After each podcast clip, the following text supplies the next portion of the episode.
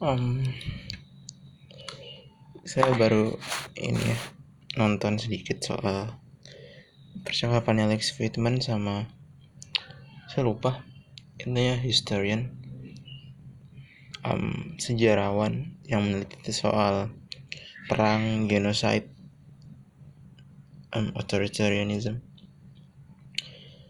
salah satu yang mengerikan adalah Stalin ya. dia membunuh dia adalah pembunuh massal. Dia membunuh jutaan orang di Uni Soviet. Um, kayaknya start um, mulai dari tahun 30-an saya belum benar-benar baca saya dengar dari percakapannya Alex Friedman dan beberapa orang gitu dan mungkin saya harus baca lagi. Tapi kisah yang mengerikan adalah bagaimana kemudian dia membuat rakyat Ukraina kelaparan. Saya pikir tahun 30-an karena mereka tidak mau menyerahkan hasil tani mereka. Jadi pada waktu itu dengan kebijakan komunisnya tadi sampai mana ya? Sampai kayaknya sampai Stalin. Um, membuat rakyat Ukraina kelaparan. Karena waktu itu ada kebijakan collectivization kalau saya tidak salah. Jadi intinya adalah um, rakyat Ukraina harus menyerah. Kalau ketika itu Ukraina bagian dari Uni Soviet mereka harus menyerahkan hasil tani mereka. Sepertinya gandum gandum gitu ya. Kalau nggak salah juga Ukraina itu adalah daerah dengan kayaknya kalau dibandingkan dengan daerah lain di Uni Soviet juga adalah daerah dengan hasil tani yang cukup besar. Dan kemudian ada penolakan-penolakan dari rakyat Ukraina. Mereka kalau tidak salah ada yang kayak membakar hasil tani mereka sendiri dan lainnya karena tidak ingin diserahkan. Kenapa diserahkan? Saya pikir karena kebijakan komunis ya. Jadi penyamarataan. Jadi semua ada daerah yang lebih banyak hasilnya dari ada misalkan ada 10 daerah gitu. Kemudian semuanya dikumpulkan ada daerah yang lebih banyak dong penghasilannya ada yang lebih sedikit dikumpulkan dan dibagi sama rata dan idea. Dan kalau mengambil logika dari bahwa Ukraina itu adalah daerah yang penghasilan besar dibandingkan daerah-daerah lain maka ketika dibagi pun hasil mereka pasti akan dapat lebih sedikit gitu dan jadi saya sebetulnya bisa memahami kenapa mereka tidak suka dengan kebijakan ini dan. You know ideologically there's there's a lot to say tentang tentang sistem komunisme yang filosof secara filosofis kita bisa bertanya kayak apa sih adil itu? Kemudian apakah keadilan adalah titik tertinggi harus dikejar dibandingkan kebebasan dan lainnya. Kemudian apakah keadilan harus dimaknai secara sangat rigid seperti itu? Itu pembahasan lain lagi lah mungkin nanti. Tapi intinya adalah itu dan apa yang dilakukan Stalin melihat penolakan-penolakan itu dia bilang bukan dia bilang dia yang dilakukan adalah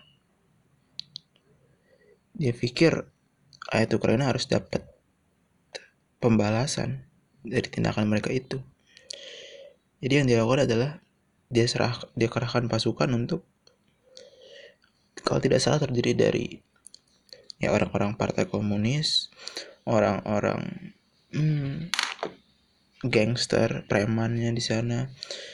Gitu mereka dulu mereka menolak menyerah mereka disuruh menyerahkan tapi ya udah mereka masih tidak diserahkan 100% gitu setelah Stalin ngamuk-ngamuk karena kejadian di mana rakyat Ukraina menolak.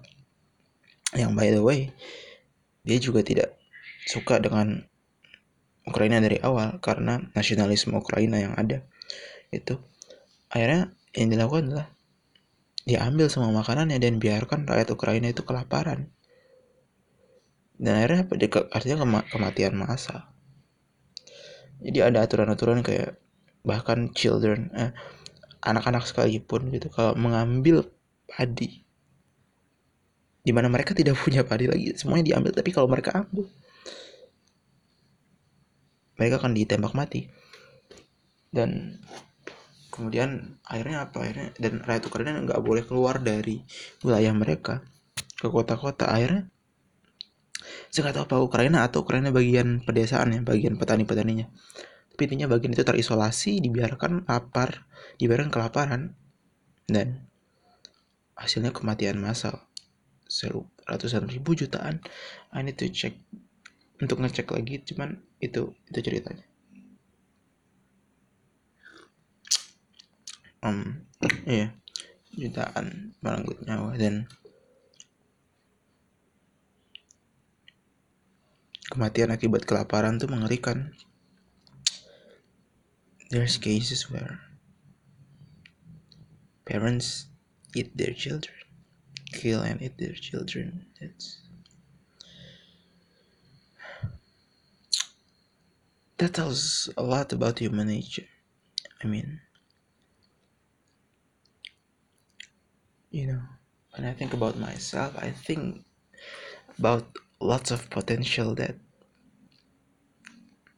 that's stored in my brain and could wake up in some particular moment that just wasn't here right now. When there's time of hunger, when there's hardship, when there's scarcity of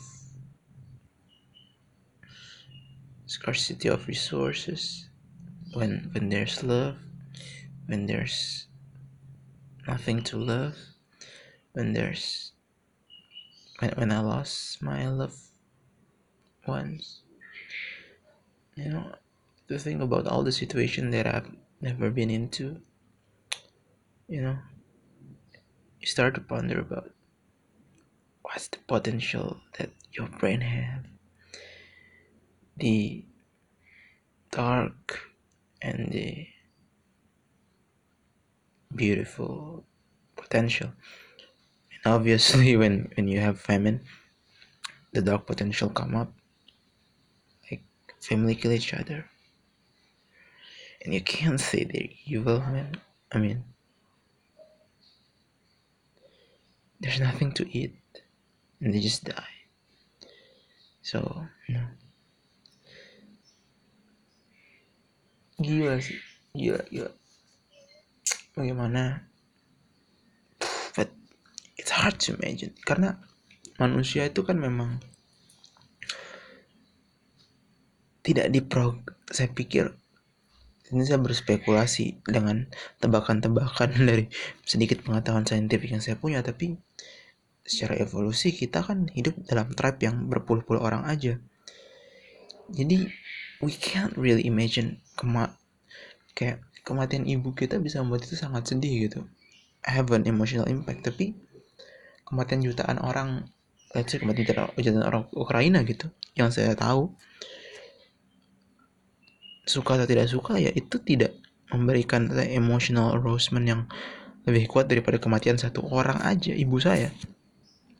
Dan saya pikir it tells a lot about bagaimana orang bisa membuat kebijakan semengerikan itu karena sebagai manusia